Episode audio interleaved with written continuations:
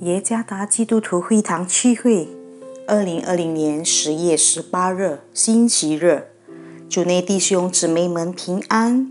今天的灵修导引，我们借着圣经路加福音十七章十一节到十九节来思想今天的主题。相信那难以置信的，作者舒心自传道。路加福音十七章十一节。耶稣往耶路撒冷去，经过撒玛利亚和加利利十二节，进入一个村子，有十个长大麻风的迎面而来，远远的站着。十三节高声说：“耶稣扶着，可怜我们吧。”十四节，耶稣看见，就对他们说：“你们去把身体给祭司查看。”他们去的时候就洁净了。十五节内中有一个见自己已经好了，就回来大声归荣耀以神。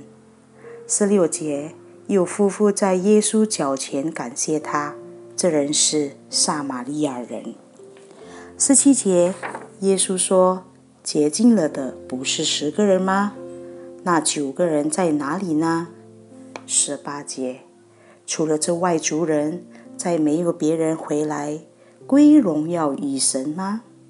十九节就对那人说：“起来，走吧，你的信救了你了。”在当时的犹太人观点，长麻风病的人是因为他们犯了某些罪，使上帝发怒，所以受上帝的惩罚。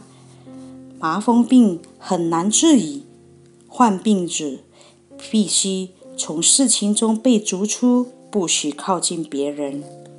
这就是为什么十个长大麻风的人在向耶稣求怜悯时站得远远的原因。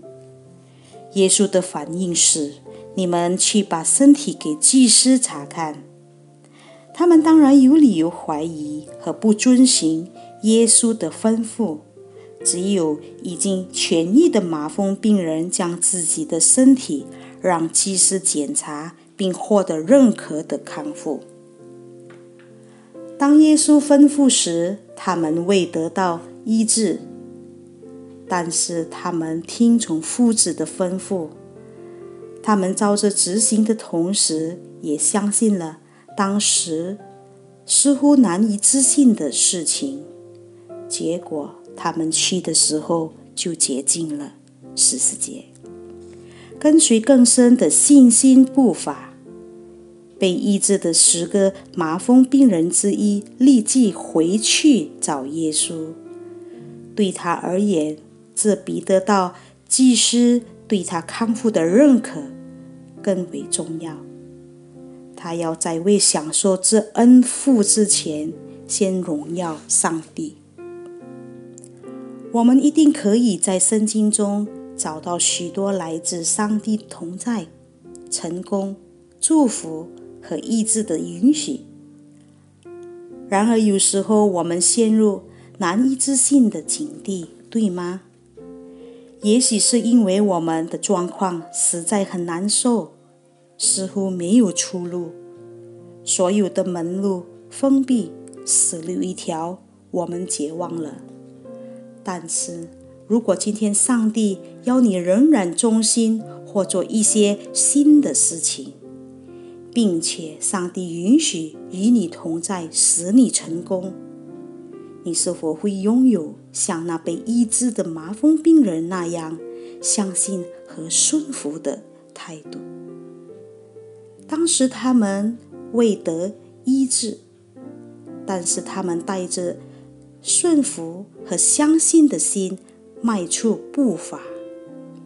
切记，通常相信和顺服的心态，往往宣以上帝的帮助与赐福。那些相信并顺服的人，将在适当的时候得到上帝的帮助。主耶稣赐福。